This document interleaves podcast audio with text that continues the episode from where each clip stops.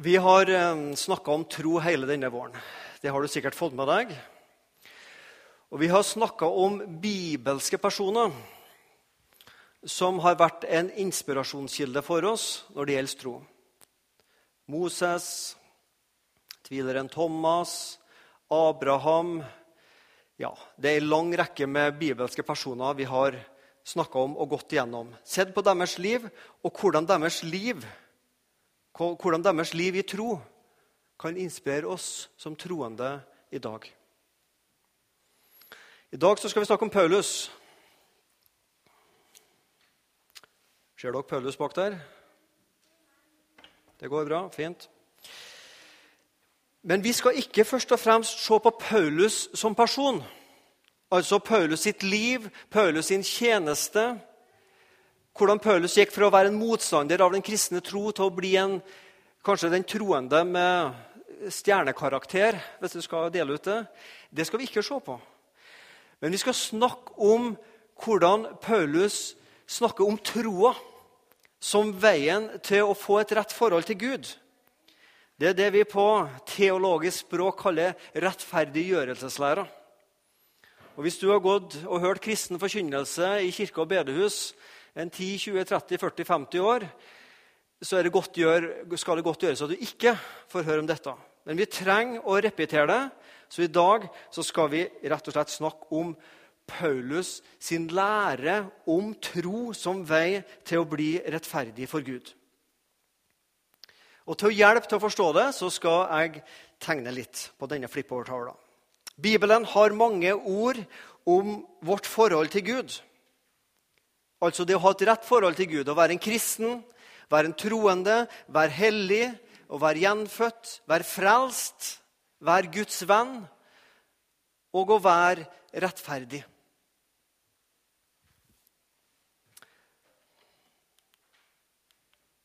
For vi mener, eller vi holder for sant, at mennesket blir rettferdiggjort ved tro uten lovgjerninger. Romerne 3, 28.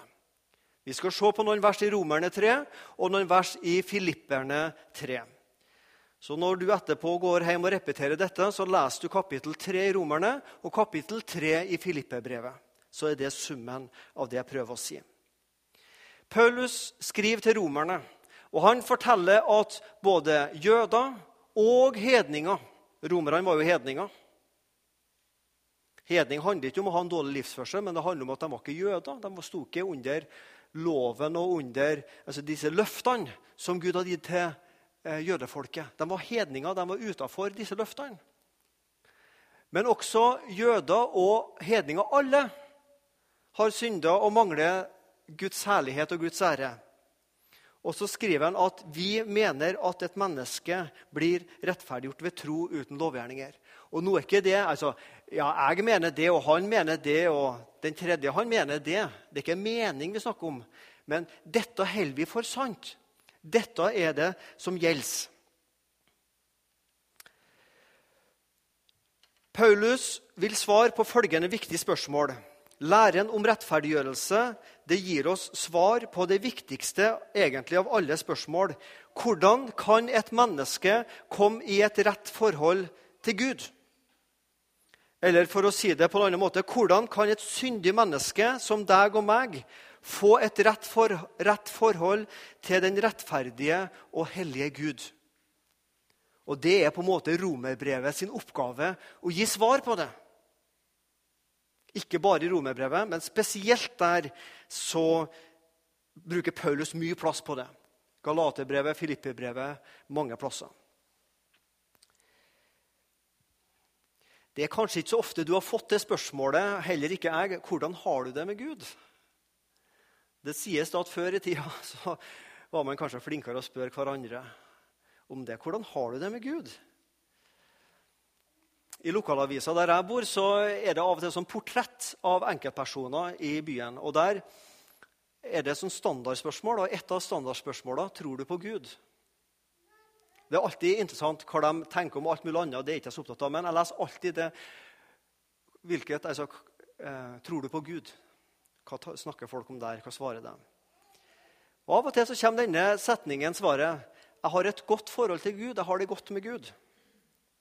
Og det er sant. Det er viktig. Det er viktig å ha det godt med Gud. Det er én ting som er viktigere enn å ha det godt med Gud. Hva er det? Det er å ha det rett med Gud. Nå tror jeg nok det er det som menes når folk sier jeg har det godt med Gud, at jeg har det rett med Gud.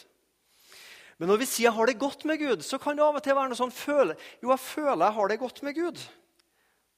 Men det å ha det rett med Gud, det er ikke en følelse. Det er en tilstand. Det er et forhold jeg har til Gud. Og dette spørsmålet hvordan kan jeg, et syndig menneske, komme i et rett forhold til en hellig Gud? Det er et spørsmål det moderne, sjølsentrerte og jordvendte mennesket ikke stiller av seg sjøl. Det er ikke et spørsmål som plutselig en dag helt naturlig dukker opp i et menneske. Hvordan skal jeg, fortapte, arme, syndige, skrøpelige menneske, som vi sier i synsbekjennelser, få det rett med Gud? Det ligger ikke naturlig i oss. Det er et spørsmål som Gud vekker når han begynner å jobbe i oss med sin hellige ånd og med sitt hellige ord. Det er et spørsmål du og jeg begynner å stille oss når Gud ved sin ånd og sitt ord begynner å pirke borti hjertet vårt og begynner å avsløre sannheten om oss. I oss sjøl, fortapte, syndige mennesker. Og han begynner å avsløre sannheten om Gud som en hellig dommer som ikke tåler synd. Og Når disse to sannhetene blir avslørt, sannheten om meg og sannheten om Gud Og jeg begynner etter hvert å se den himmelvide forskjellen Da kommer dette spørsmålet opp. Hvordan kan jeg få et rett forhold til Gud?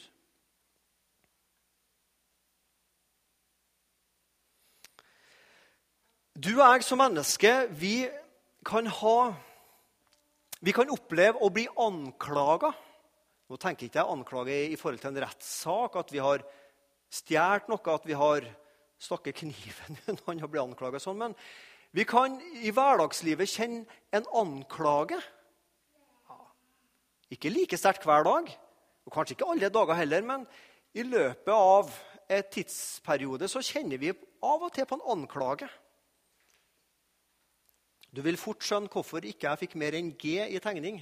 Kanskje læreren var snill, burde gitt meg Nuggen. Men det blir veldig mye strektegninger her. Skal vi se hvordan vi skal tegne den luringen her, da. Hvordan de tegner den sånn. Og så en hale der. Djevelen. Det er sånn av og til vi tegner den. Han anklaget deg og meg, uten det? Du kan jo ikke være en kristen, du, sier Anton. Du som tenker sånne tanker og sier sånne ting. Det er ikke håp for deg som har gjort de tinga der, Svein Anton. Du, du, er ikke verdig å kalle deg en kristen, du som gjør sånn og har det sånn. Har du kjent den anklagen? Der har du opphavsmannen. ja,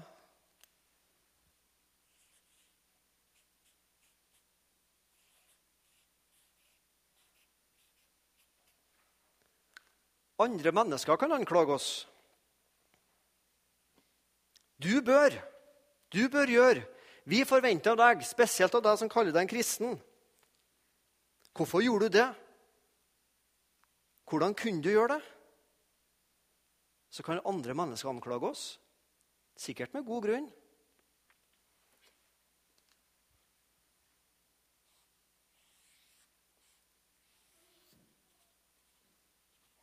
Lovens to tavler, de ti bud, anklager oss.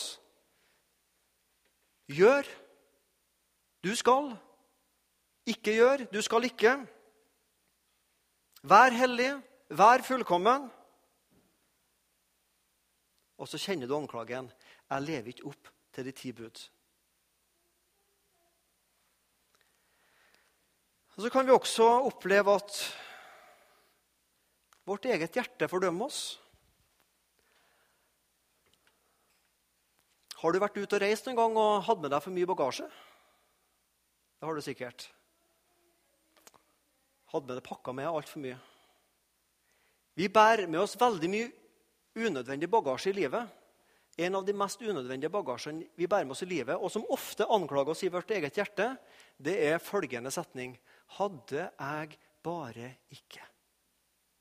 Hadde jeg bare ikke i min ungdom for noen år siden, for to uker siden, sagt det, gjort det, så hadde jeg vært en mye mer frimodig kristen.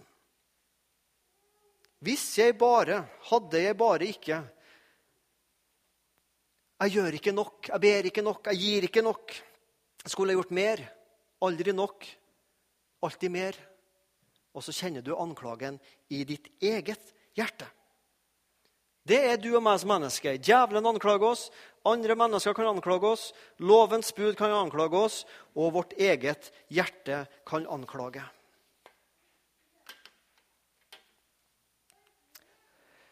Og så konkluderer Paulus i Romerne 3, vers 23. Alle har syndet og står uten ære for Gud. Ikke bare hedningen, også jøden. Alle har vi synda og står uten ære for Gud. Og Det finnes en guddommelig straff for synda.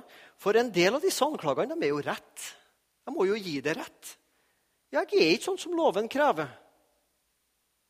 Og mange mennesker har jo jammen rett når de anklager meg. Ja, Faktisk har han jo rett, han, han der også, når han anklager meg. Ja, Iallfall har rett og har rett. Han iallfall peker på noe som det er mye sannhet i. Og så finnes det en guddommelig straff for synda.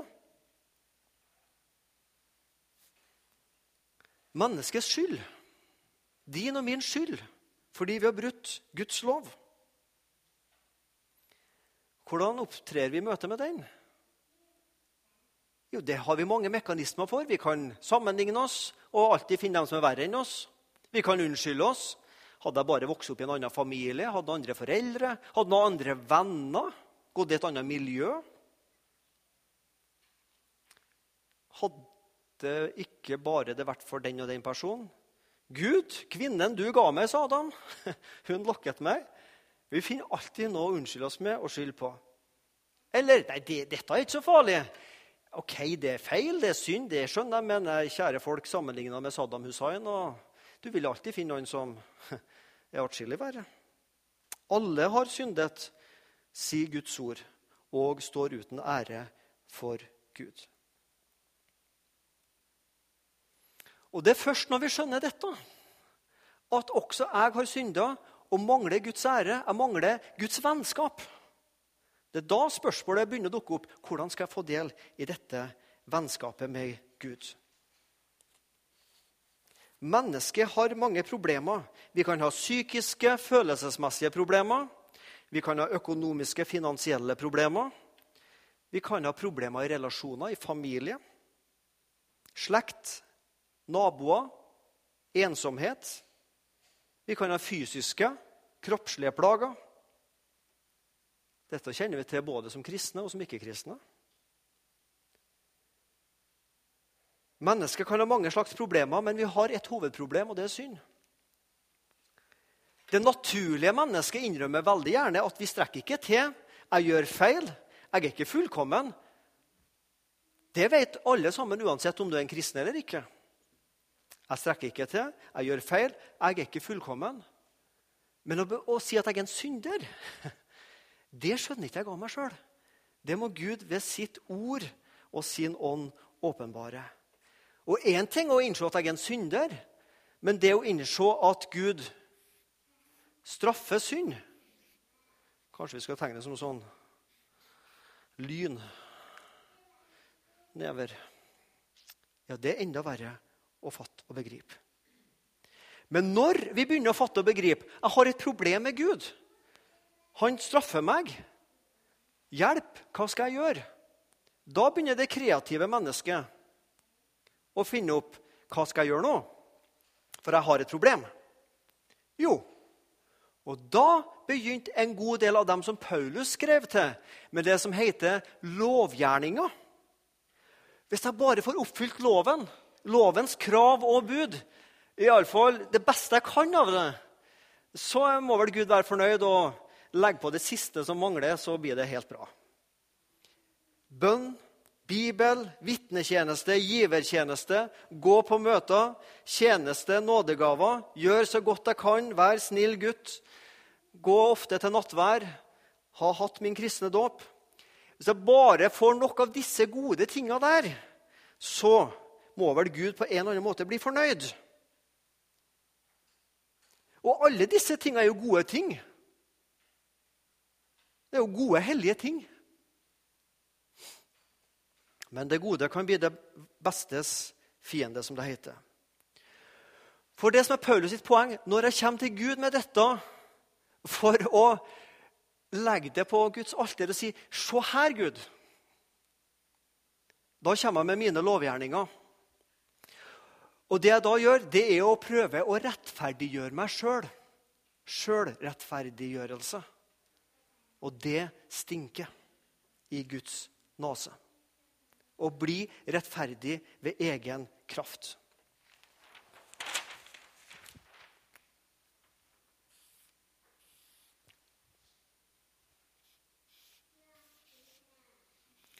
Mange tenker Skal vi se Mange tenker at Gud dømmer oss sånn, som ei vippevekt. Her har jeg tap, til tap, og her har jeg ved vinning.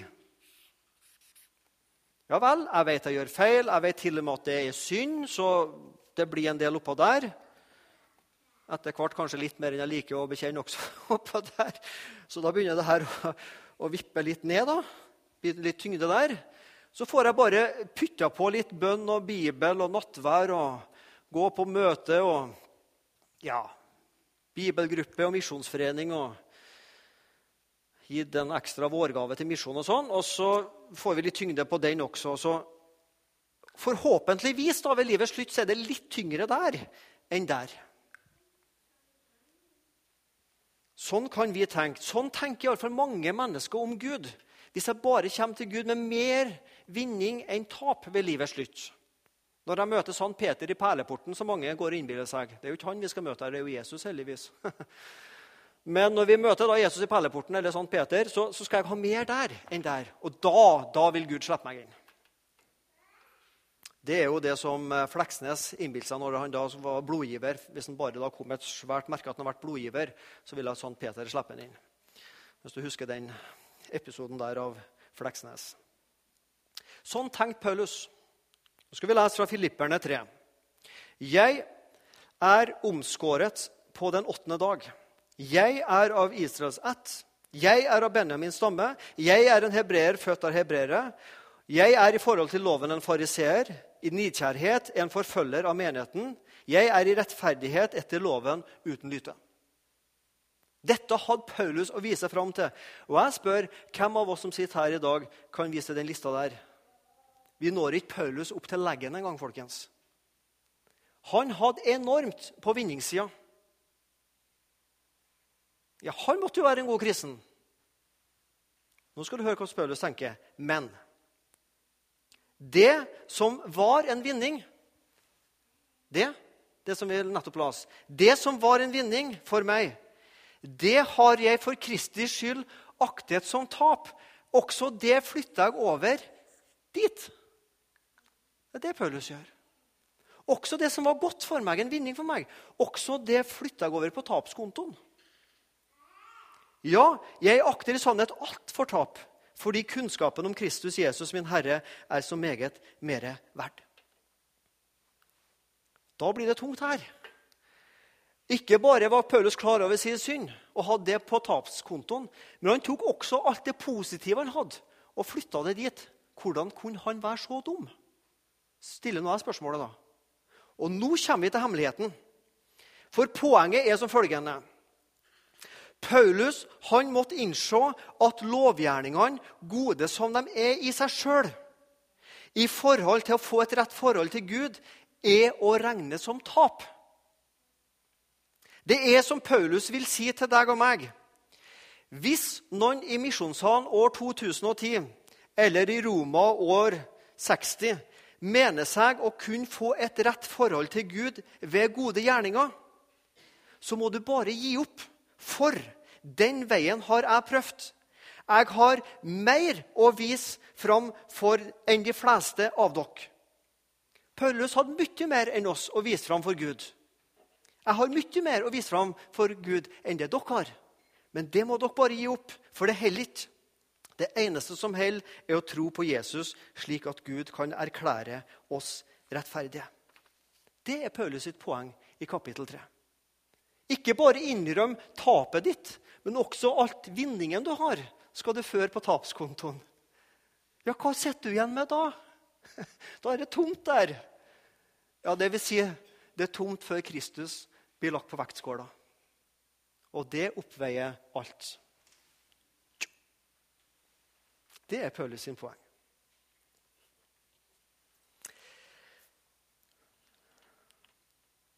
For hans skyld har jeg tapt alt. Jeg akter det alt som skrap for at jeg kan vinne Kristus og bli funnet i ham, ikke med min rettferdighet, men den som er av loven, men den jeg får ved troen på Kristus, rettferdigheten av Gud på grunn av troen.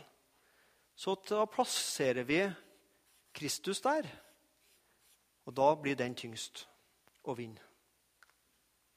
Troa på Kristus, har jeg den, så kan jeg legge både tapa i livet og mine egne positive vinninger i livet der Kristus vei tyngst.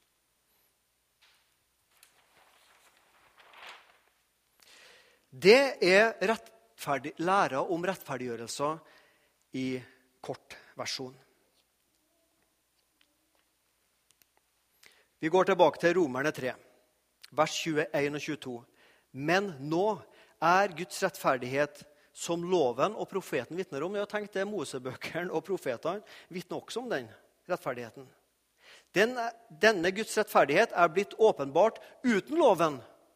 Det er Guds rettferdighet ved tro på Jesus Kristus til alle og over alle som tror. Tro, tro, tro. Vi har bibelordbøker, og jeg satt en dag og kikka i bibelordboka på verbet å tro og substantivet tro. Og jeg tror, hos, jeg tror, antar hos Paulus så var det ca. 170 ganger at dette ordet kom hos Paulus. Han er den som desidert mest i Bibelen snakker om tro, i tillegg til Jesus. da. Hva er dette med rettferdiggjørelse for noe? Hvor skjer rettferdiggjørelse? Jeg føler så lite at jeg er rettferdig. Ja, det, det, kjenner jeg på når jeg liksom begynner å kjenne etter, setter meg i godstolen og skal prøve å finne følelser. Kjenner jeg meg rettferdig? Føler jeg meg rettferdig? Klarer jeg å finne rettferdigheter inni meg? Du skjønner det litt retoriske, ironiske spørsmålet her nå? Rettferdiggjørelse. Det er noe som skjer hos Gud. Vi skriver en R der. Det er Gud som rettferdiggjør. Og rettferdiggjørelsen skjer hos Gud, i himmelen. Rettferdiggjørelsen er en domshandling. Gud sitter i himmelen. Om han sitter sånn og klør seg litt Jeg tror han klør seg mye i bakhodet når han kikker på meg. Men jeg er sikker på det. Så sitter han i sin himmel, og så peker han ned på meg og så sier han, jeg erklærer deg, Svein Anton, så skal du sette inn ditt navn. Jeg erklærer deg for å være rettferdig for meg fordi du tror på det Jesus gjorde på korset og oppstandelsen. Det er en domshandling som skjer hos Gud. Det er ingen følelseshandling inni hjertet mitt. At plutselig fikk jeg en sånn iboende kraft av rettferdighet i meg. Det er Gud som rettferdiggjør. Det er måten Gud ser på deg og meg som kristne. Det som skjer i ditt og mitt hjerte, det kaller vi Nå skriver jeg bare en G her. Det er gjenfødelsen. Den skjer i oss. Og helliggjørelsen, H, den skjer i oss.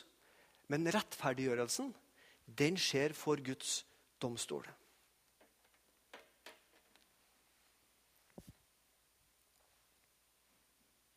Det er den handling av Gud at han erklærer syndige mennesker å være syndfri innenfor han når de tror på Jesus Kristus. Det er en måte Gud ser på deg. Nå ser ikke deg først og fremst som en synder lenger, men som en tilgitt synder, og da er vi rettferdige. Jeg vet at i meg sjøl, slik jeg er fra fødselen av, og du er, så er vi syndere. Men min identitet i dag er ikke først og fremst å være en synder, det er å være en tilgitt synder. Og det kaller Bibelen å være rettferdig. For det er sånn Gud ser på meg. Og da har jeg lyst til å se på meg også på den måten.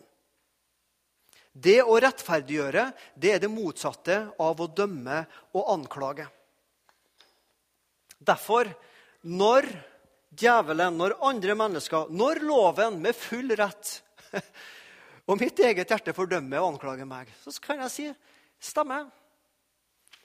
Kryssa på lista. vet du. Stemmer, stemmer, ja, stemmer, stemmer. Men Gud rettferdiggjør meg. Det er sånn Gud ser på meg. Det er sant, og det er sant, og det veier mye tyngre enn det. Eh? Sannelig grunn til å rope halleluja, folkens. Men det gjør vi jo ikke i Misjonssalen. Iallfall ikke så veldig høyt. For det er kun ved troa på Jesus Kristus, til, ved tro på Jesus Kristus, til alle over alle som tror, i Romerne 3, 21, 22, at vi blir erklært rettferdige. For Jesus, han levde livet jeg og du ikke makter å leve. Jesus døde den døden du og jeg fortjente å dø, og Jesus sto opp til et nytt liv som ingen av oss makter å skape av oss sjøl. Så når Gud med god grunn kan dømme min synd, så kommer det en paraply her som vi kan tegne som et kors. Og så er jeg skjult under korset. Da er jeg frelst, jeg er kristen, jeg er gjenfødt, jeg er hellig, jeg er rettferdig i Guds øyne. Jeg er en himmelborger. Halleluja. Det er god grunn til å si halleluja for det. Evangeliet hos Paulus er det kommer ikke an på min lovoppfyllelse, men på han som oppfylte lovens krav for meg. Og denne lovoppfyllelsen, som du og jeg plikter å gi Gud, men som vi ikke makter å gi Gud, den blir din og min kun ved å tro. Å ha tillit til og stole på Jesu frelsesverk. Eneste veien til å få et rett forhold til Gud. Det fins en gammel sang, vi skal ikke synge den i dag, av en som heter Brorson. Han var dansk og var sikkert en biskop eller noen prest en gang på 1600-1700-1800-tallet. Dette burde jeg jo ha visst, men eh, en eller annen gang der. Han har skrevet en sang som har overskriften 'Hvem vil meg anklage?'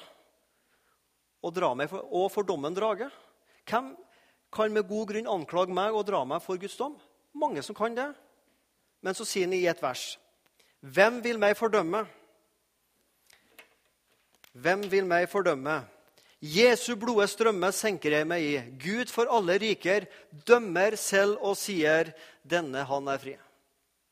Det er min tilstand i dag når jeg er her. Det er min tilstand jeg setter meg i bilen, det er min tilstand jeg er hjemme, det er min tilstand jeg ligger i senga mi.